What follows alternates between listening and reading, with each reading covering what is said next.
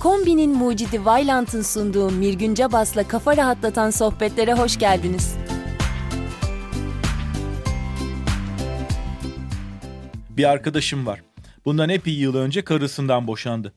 Sonrasında neden ayrıldıklarını sorduğumda dünyanın en tuhaf boşanma gerekçelerinden birini söylemişti. Akşamları televizyon karşısında zapping yaparken çok yavaştı. Kanalları ard arda geçerken ne olduğunu anlayıp da bir sonrakine geçmesi çok uzun sürüyordu. Kumandayı da bırakmak istemiyordu. Aslında düşününce o kadar da şaşırtıcı değil. Call center'ı arayıp da bize telefonda bekleme müziği dinlettiklerinde ya da trafikte kırmızı ışığa en başında yakalanıp yeşile dönene kadar saniye saydığımızda sinir olduğumuz şeyin evde de bizi sinir etmesi normal değil mi? Niye bekleyelim? Bir insanın acelesi varsa her zaman vardır. Bunun evi, işi, sokağı yoktur. Şunu geçenlerde okudum. Gençler zamanın girdabında sürükleniyor. İnsanlar artık yalnızca hız ve zenginliğin karşısında hayranlık duyuyorlar. Herkes yalnızca bu ikisinin peşinde koşuyor. Baktığınızda sözlerde bir ilginçlik yok. Asıl ilginçlik söyleyende. Çünkü hızdan ve gençliğin giderek hızlanmasından yakınan kişi Goethe. Bu sözleri de 1825 yılında yani en hızlı araçların buharlı gemiler ve trenler olduğu bir zamanda söylemiş. Demek ki insanın hızla olan meselesi uzun zamandır gündemimizde. Yaşamı hızlandırırken amacımız her şeyi çabuk çabuk yapıp zamandan tasarruf etmek. Tasarruf etmenin bir karşılığı da malum biriktirmek. Zaman kenara koyup biriktirebileceğimiz bir şey değil ama artırılabilecek bir şey. Amaç artırdığımız zamanı başka şeylerde kullanmak. Ama genellikle bu başka şeylerde yeni ve başka işler olduğu için sonuçta zamanı tasarruf etmiş olmuyoruz. Bir işi yaparken arttırdığımız zamanı başka bir iş için kullanmış oluyoruz. Bu zaman tasarrufu konusunu başımıza açan tanıdık biri. Amerika Birleşik Devletleri'nin kurucularından Benjamin Franklin. Zaman için yaşamın ham maddesidir diyen de o, zamanın tasarruf edilebileceğini söyleyen de. Türkçe'de bu lafın vakit nakittir gibi uyaklı bir karşılığının olması da kaderin bir cilvesi herhalde. Hem bu sözün hem de zamanla ilgili bu yaklaşımın ortaya çıkışı endüstri çağının başına denk geliyor. Tesadüf mü? Değil. Önceki bölümde insanlık toplumsal ilişkileri sürdürmek için zamanı icat etti demiştik. Zamanın meta haline gelmesi de endüstri toplumunun icadı. E çünkü endüstri toplumu çalışanların zamanlarını bir işletmeye satmalarına dayanıyor. Mesela tarihçi Louis Mumford modern endüstri çağının belirleyici aleti buhar makinesi değil saattir der. Ama hayatımızın hızlanması ve saniyelere bölünmesi kendiliğinden olmadı. Endüstri çağının makineleri toplumu ve kültürü de dönüştürdü. 19. yüzyıldan 20. yüzyıla geçilirken toplumun zaman bilinci konusunda yeniden eğitilmesi gerekti. Tıpkı bugün çocuklara kodlama öğrettiğimiz gibi o zaman da gençlere dakikliğin önemi öğretiliyordu. Zamanın kullanımı ve değeri okullarda müfredat konusuydu. Saat firmaları bile ürünlerini tanıttıkları kataloglarda saatlerin ne kadar değerli ve şık olduğunu anlatmıyordu. İnsanların dakik ve düzenli olmalarının erdemlerini anlatarak saatlerini pazarlıyorlardı.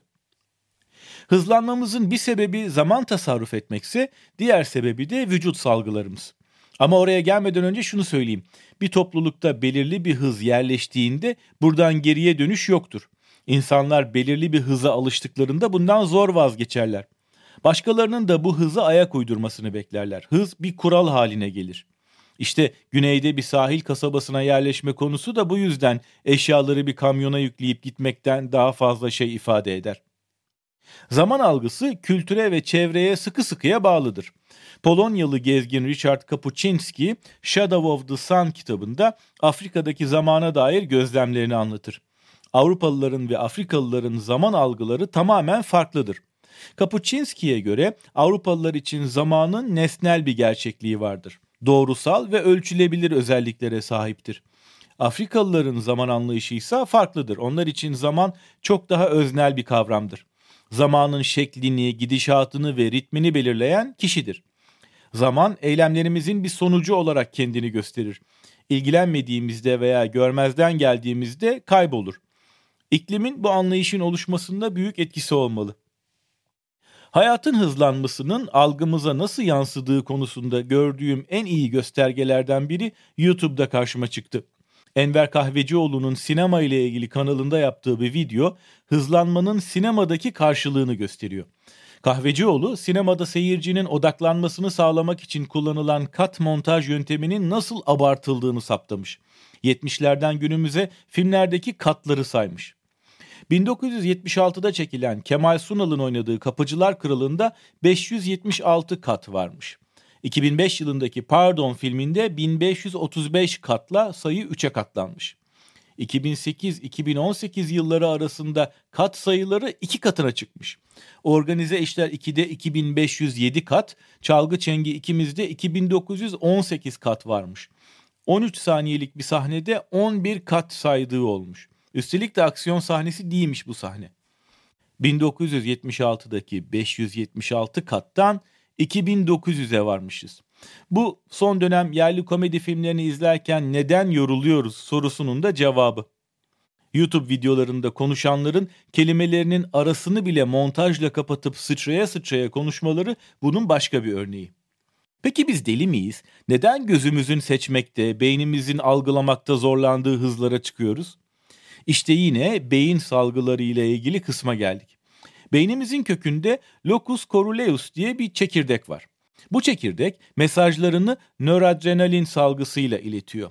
Bu da stres sırasında salgıladığımız adrenalinle yakın akraba. Nöradrenalin kan basıncının artmasını veya kalp atışlarının hızlanmasını sağlıyor. Birdenbire kendimizi canlı hissetmemizin sebebi bu. Eğer nöradrenalinin salgılanma sebebi karşılaştığımız bir tehdit değilse bizde hoş bir heyecan duygusuna yol açıyor. Yabancı bir yüz, çalan telefon ya da az önce gelmiş bir e-posta bilince ulaşan yeni bir bilgi yani bir heyecan demek. Beynimizde çakan küçük bir şimşek. Bu durum sinir yollarında nikotin ya da kimyasal uyarıcılarla aynı etkiye yol açıyor. Duyularımızın gün boyunca maruz kaldığı yoğunluk belki strese yol açar ama iyi duygular da getirir. Ayrıca dikkatimizi zorlayan her uyarı genel heyecan eşiğini yükseltir. Televizyondaki her hızlı görüntü değişimi, cep telefonunun her çalışı hafif bir elektriklenme yaratır. Amerikalı yazar Mark Halperin, atalarınızın sadece savaş zamanlarında ulaştıkları heyecan seviyesi sizin günlük hayatınız olmuş diye yazıyor. Yani içinde yaşadığımız ölümcül tempoyu sevmek için kimyasal nedenlerimiz var. Ama bunun da bir bedeli var. Heyecan ne kadar artarsa konsantrasyonumuz o kadar bozuluyor.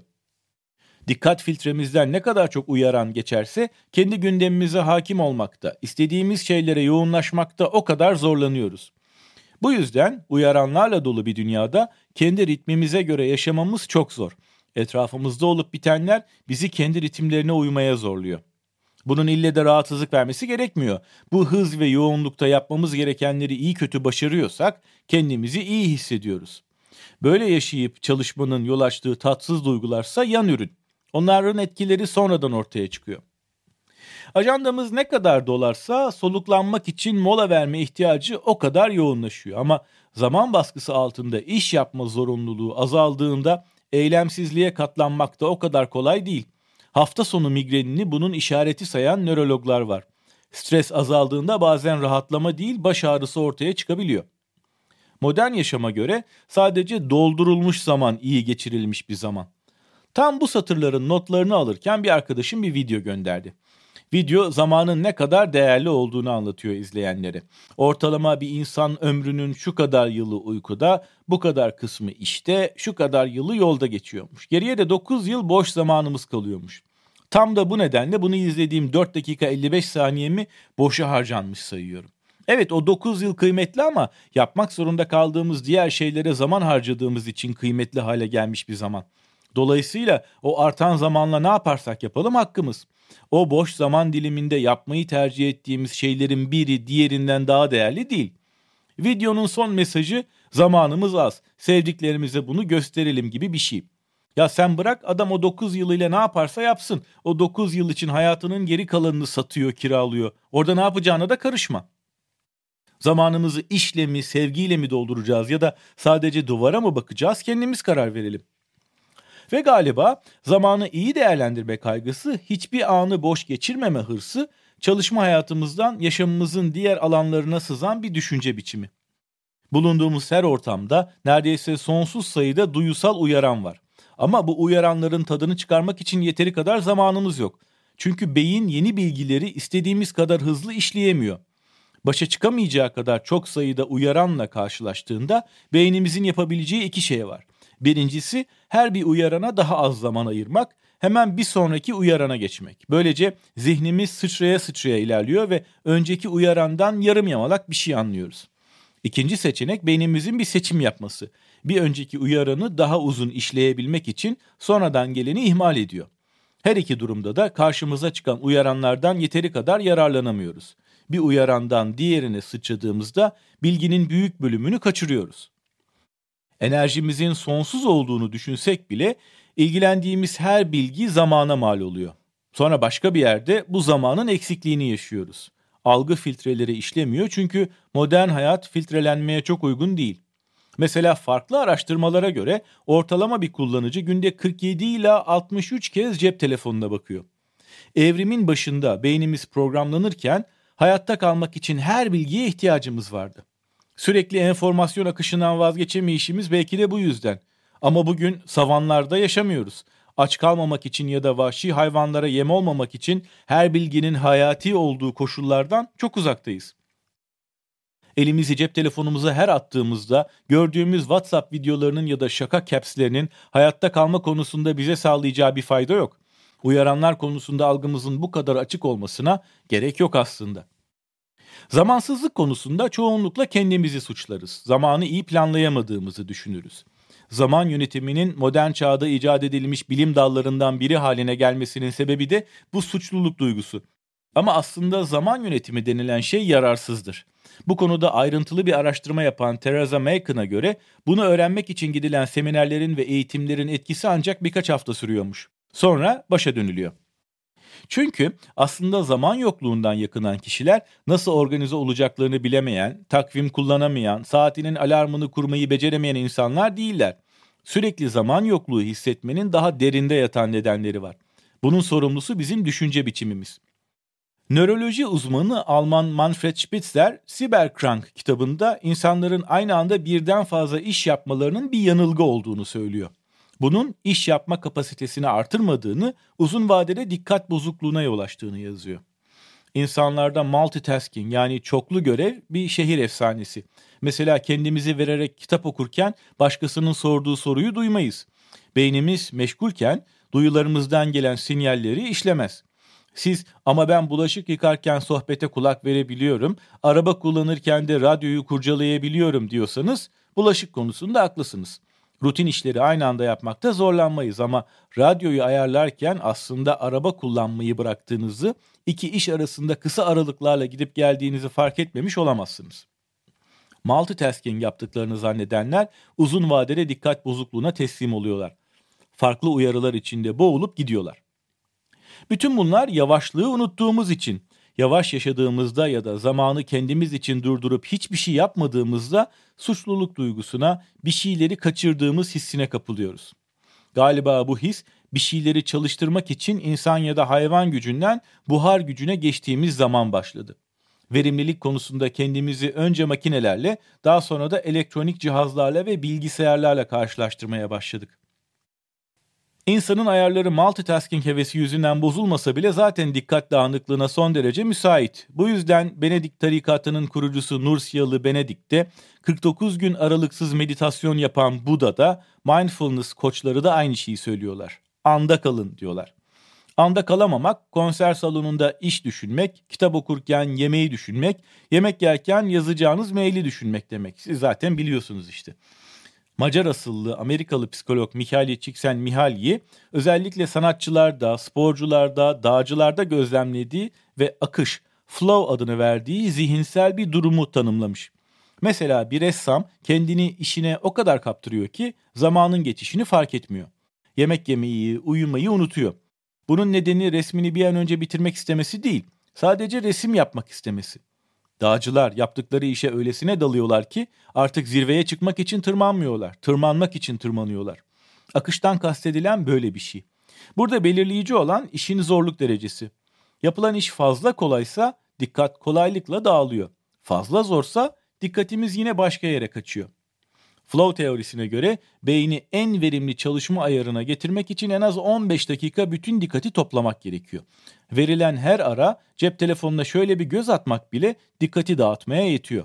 Kaldığımız noktaya dönmek için o 15 dakikayı başa sarmak gerekiyor. Teoriyi ortaya atan Csikszentmihalyi, hayatımızdaki en iyi anlar edilgen olduğumuz ya da dinlendiğimiz zamanlar değil. En iyi anlarımız zor ve değerli bir şeyi başarmak için bedenimizi veya zihnimizi sınırlarına kadar zorladığımızda yaşanır diyor. Bir de son dakikacılık alışkanlığımız var. Neden hep son dakikada hazır oluyoruz? Çalışma psikologları bir iş için çok fazla zamanımızın olmasının sonucu değiştirmediğini söylüyor. Diyorlar ki her iş ancak bitmesi gerektiği zamanda biter. Bunu deneylerle de kanıtlamışlar. Bir araştırmada deneklerden tek tek harflerden Scrabble oynar gibi sözcükler oluşturmaları istenmiş. Bunun içinde onlara serbest zaman tanınmış. Ama fazla fazla zaman deneklerin hayal gücünü kendiliğinden harekete geçirmemiş. Tam tersine deney yöneticisi deneklere ne zaman bir problemin yazılı olduğu bir pusulayı uzatsa onlarda o kadar çok çözüm önerisi sunmuşlar. Denekler hemen yanıt vermeleri için açıkça baskı altına alınmasalar bile dürtüklendikleri zaman verimleri artmış. Bu tempoyu artırıp da deneklere iki buçuk saniyede bir yeni problemler sorduklarında deneklerin düşünme yetenekleri yılgınlığa kapılıp duraklamış. Ama bu durumda bile verdikleri doğru yanıtların sayısı kendi hallerine bırakıldıkları döneme göre iki kat fazlaymış. Özetle acele etmek için bir uyaran bulunmuyorsa dikkat hemen dağılıyor. Bir de zaman baskısının kötü sonuç verdiği durumlar var. Süre kısıtlaması altında bir işi yapmaları istenen insanlar strese giriyor. Acilde çalışan doktorlar, uçak indirmek üzere olan pilotlar, yazısını teslim tarihine yetiştirmeye çalışan yazarlar buna örnek. Ama en iyi örnek televizyon yarışmalarındaki yarışmacılar. Buradaki sorun insanların bu gibi durumlarda zamanlarının ve enerjilerinin bir kısmını kalan süreyi düşünmek için harcamaları. Bu yüzden asıl işe dikkatlerini daha az veriyorlar. Hata yapma ya da yanlış karar verme olasılığı da artıyor. Stresle baş etme becerileri olmayanlar ilk önemli gördükleri bilgiye aşırı önem veriyorlar. Diğer bilgileri görmezden geliyorlar. Negatif bilgiye yoğunlaşmak gibi hatalı kararlara yol açan eğilimler sergiliyorlar. Sonrasında da bu hataları genelde yapay nedenlere bağlayıp kendilerini savunuyorlar. İşte bazı işlerde daha çok para kazanılmasının sebeplerinden biri bu. Stresle, zaman baskısıyla başa çıkmayı bilmek. Bunu becerebilenler daha kıymetli sayılıyor. Amerikalı iktisatçı Daniel Hammermash'in tuhaf bir keşfi var. Diyor ki insanlar ne kadar zenginlerse zaman kıtlığından o kadar çok yakınıyorlar. Hammermash'e göre zenginlerin sorunu ellerinde daha fazla olanak bulunması. Mesela ortalama bir beyaz yakalı evindeki yüzme havuzunun tamirini, bir festival izlemek için Barcelona seyahatini ve Amerika'daki eski bir okul arkadaşının düğününü iki haftaya nasıl sığdıracağını düşünmez. Çünkü çoğumuzun böyle bir ajandası yoktur. Zengin bir iş insanınınsa kesinlikle böyle bir gündemi vardır. Zenginlerin arzularını gerçekleştirmelerinin önündeki tek engel zamanlarının sınırlı oluşudur. Bunun sonucunda da zaman yetersizliğini daha acı hissederler. Bu yüzden batılı toplumlarda zamansızlık statü simgesi sayılır.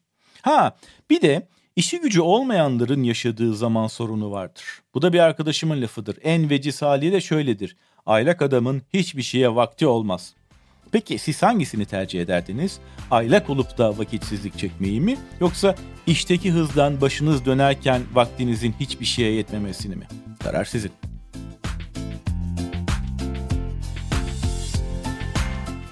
Kombinin mucidi Vailant'ın sunduğu Mirgün Cabas'la kafa rahatlatan sohbetlerin bir sonraki bölümünde görüşmek üzere.